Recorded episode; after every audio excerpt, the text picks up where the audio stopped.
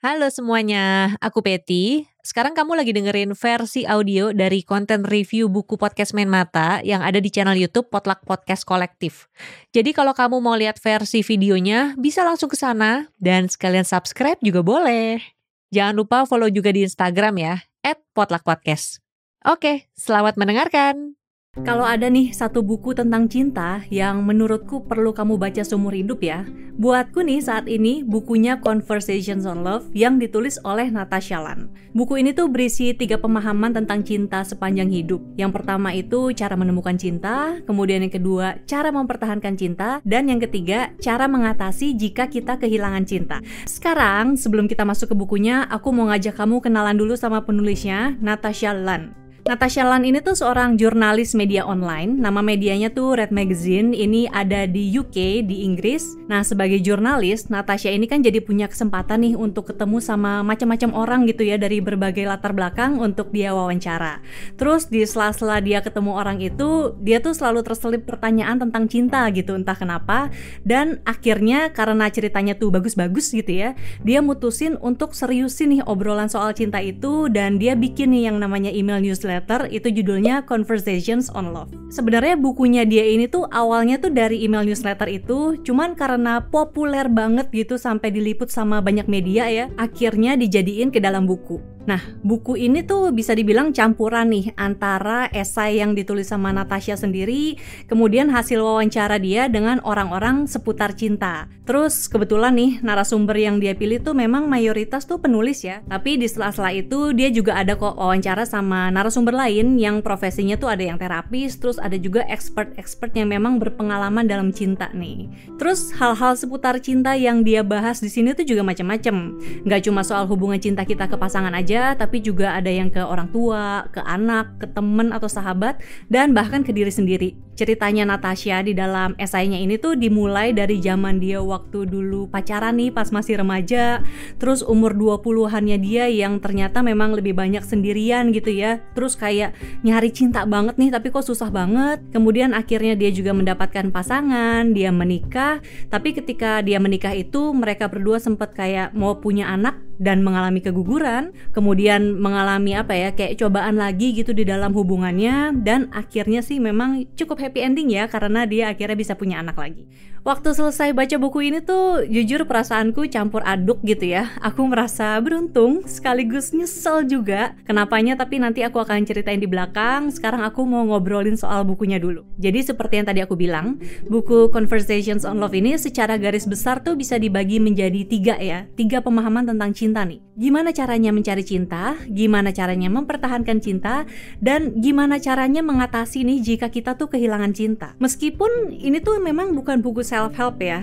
Tapi setelah membaca buku ini tuh aku yakin kamu nih seenggaknya tuh bakalan mendapatkan semacam revelation-revelation kecil tentang cara kamu selama ini berelasi. Dan sebelumnya aku mau disclaimer dulu, ini pembahasanku kali ini rasanya nggak bakalan bisa mencakup semua isi buku karena kalau mau bahas semuanya bisa-bisa sampai sejam ya karena emang bagus-bagus banget. Tapi mungkin nggak semua relate ke aku juga. Jadi aku akan bahas bagian-bagian yang menurutku ngena atau yang memang aku suka gitu ya. Kita mulai dari yang pertama ya, gimana cara mencari atau menemukan cinta. Aku rasa ya, kalaupun memang ada, kayaknya tuh sedikit banget kali ya orang yang bener-bener bisa menjadi dirinya sendiri waktu di awal PDKT itu sama seseorang gitu. Karena ketika tertarik sama seseorang, kita kan cenderung untuk menunjukkan versi terbaik dari diri kita ya. Atau mungkin ya bahkan sampai bohong gitu jadi orang lain yang nggak kita banget. Misalnya aja nih, pura-pura doyan nonton horor gitu ya, padahal kita orangnya penakut banget atau ya batalin rencana pergi sama temen nih di weekend gitu ya dengan harapan si gebetan ini bisa tiba-tiba ngajakin kita pergi jadi kita kayak punya waktu kosong. Atau ya kita jadi pemaklum banget nih orangnya kalau ternyata dia tuh memang tukang ngaret. Sementara kita tuh on time banget tapi ya udah deh kita sabar-sabarin. Ini tuh sebenarnya wajar banget. Jadi katanya psikiater Dr. Megan Poe di buku ini kita tuh memang ada tendensi untuk mencocokkan diri dengan orang lain nih dengan gebetan nih dalam hal ini ini ya, biar disangka jodoh gitu ya. Tapi kalau keterusan ya bisa-bisa sebenarnya self respect kita tuh hilang dan kita tuh jadi kehilangan jati diri. Jadi sebenarnya proses mencari cinta itu tuh bener-bener berisiko banget buat diri kita. Nah, di sini Natasha tuh ngobrol dengan beberapa narasumber ya. Jadi salah satunya tuh ada Alain de Botton. Ini seorang penulis, filsuf, terus foundernya School of Life yang mungkin kamu juga pernah atau sering nontonin di YouTube.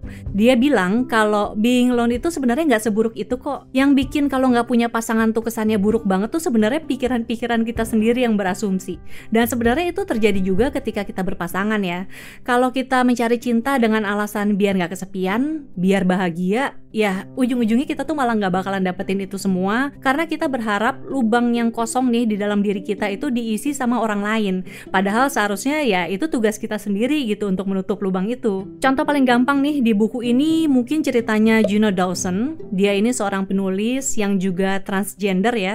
Dia bertransisi dari laki-laki ke perempuan waktu masih jadi laki-laki dia tuh ngerasa nutup-nutupin banget identitas dirinya ketika dia jalan sama perempuan. Jadi dia tuh menjadi seseorang yang bukan dia. Kemudian akhirnya karena dia merasa risih gitu ya tidak nyaman dengan hal itu dia akhirnya memutuskan untuk menjadi seorang perempuan. Dan dengan resiko nih dia udah tahu nih ketika dia menjadi perempuan dia udah siap kalau nanti sampai mati tuh dia bakalan sendirian dan gak akan ada orang yang mau nerima dia. Tapi at least ya dia mikir kalau misalnya nanti dia mati ya udah pokoknya dia akan mati sebagai perempuan, identitas diri yang memang dia inginkan. Nah, lanjut ke bagian kedua, ini gimana cara mempertahankan cinta buat yang udah berpasangan lama nih, kalau misalnya ada dari kamu nih kayak gitu, termasuk aku gitu ya, banyak temuan-temuan menarik yang bisa kamu dapetin dari cerita para narasumber di buku ini. Natasha mulai dengan cerita ya kayak dia bertanya-tanya nih, karena ketika keguguran dia ngerasa ada sesuatu dari dia yang hilang, terus juga begitu juga dari hubungannya gitu. Dia mengibaratkan hubungan itu kayak tanaman ya, yang harus dipupuk setiap hari gitu ya supaya dia nggak layu dan terus tumbuh.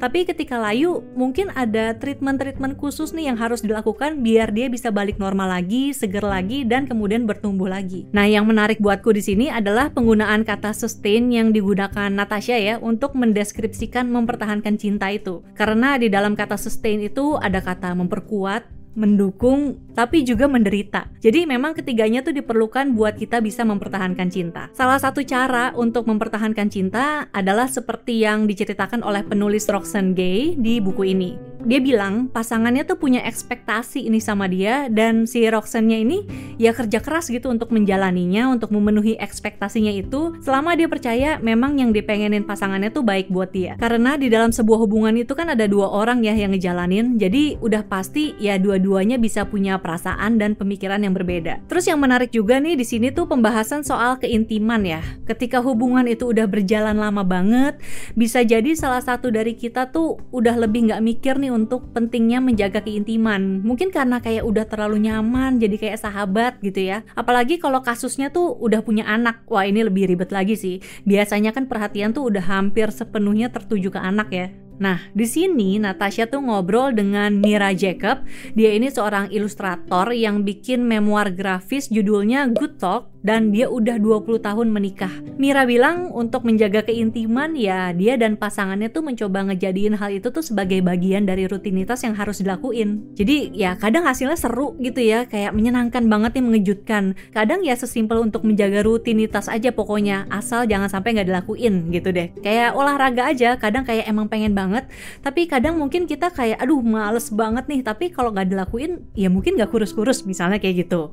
Waktu baca soal mempertahankan cinta ini ya, aku tuh jadi berpikir cinta tuh memang kontradiktif banget ya. Dan ya sebenarnya kayak kita ngejalanin hidup sehari-hari sih. Kita nggak boleh sampai kehilangan diri kita, tapi ketika kita udah berpasangan, kita tetap harus memikirkan udah bukan mimi mimi lagi, tapi juga kita we gitu ya. Tapi di dalam kita itu kita nggak boleh kehilangan keakuan. Bingung kan? Sama sih aku juga bingung. Tapi intinya sih yang namanya relasi ya, baik itu dengan pasangan, orang tua, teman, saudara, dan lainnya memang kuncinya tuh soal komunikasi sih. Ada nih obrolan dengan Esther Perel di buku ini. Esther ini seorang penulis, podcaster, pembicara, dan terapis pasangan yang memang cukup terkenal. Kontennya di YouTube ada banyak banget nanti kamu bisa cari. Di sini Esther bilang kalau misalnya kamu selalu mikir, aduh aku tuh nggak bakalan bisa ngomongin soal itu nih sama pasangan aku, soalnya ya bakalan bikin dia marah atau mungkin bakal jadi masalah gitu ya. Terus akhirnya kita akan jadi cuman berasumsi, bukan berkomunikasi. Terus itu juga akan bikin masalah yang sebenarnya ketutupan. Ini mungkin ibaratnya tuh kayak kita ngubur suatu benda nih. Kita pertama cuman oh ya udah kubur aja sedikit gitu ya. Tapi mungkin kita ngubur terus ngubur terus benda itu sampai lama-lama dia tuh nggak kelihatan, udah jauh banget di dalam tanah. Tapi sebenarnya benda itu tuh nggak hilang-hilang karena memang harusnya kita buang bukan kita kubur. Lanjut ke bagian terakhir, gimana caranya untuk mengatasi jika kita kehilangan cinta? Ada satu lagi yang menarik ini tuh obrolan dengan penulis namanya Lisa Tadeo. Jadi Lisa ini kehilangan orang tuanya tuh hampir 20 tahun lalu gitu ya dan sampai sekarang dia tuh belum bisa nerima soal itu. Dulu dia tuh benar-benar nggak terbuka soal perasaannya ini, soal dia kehilangan sama orang tuanya. Jadi memang rasa sakitnya itu dia pendem aja dan terus berlanjut sampai bertahun-tahun. Tapi akhirnya dia juga jadi belajar kalau dengan berbagi tuh justru kita jadi bisa melihat dunia dengan pandangan yang lebih positif. Dia bilang kalau misalnya hal buruk terjadi ke diri kita, coba tanya lagi ke diri sendiri.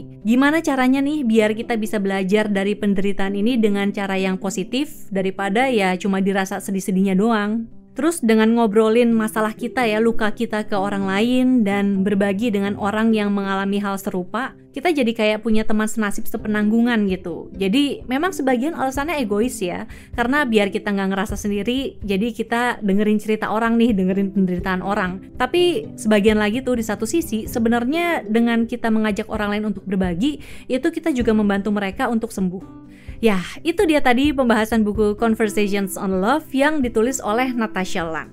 Kalau di awal tadi kan aku juga bilang ya, antara beruntung dan nyesel gitu ketika baca buku ini.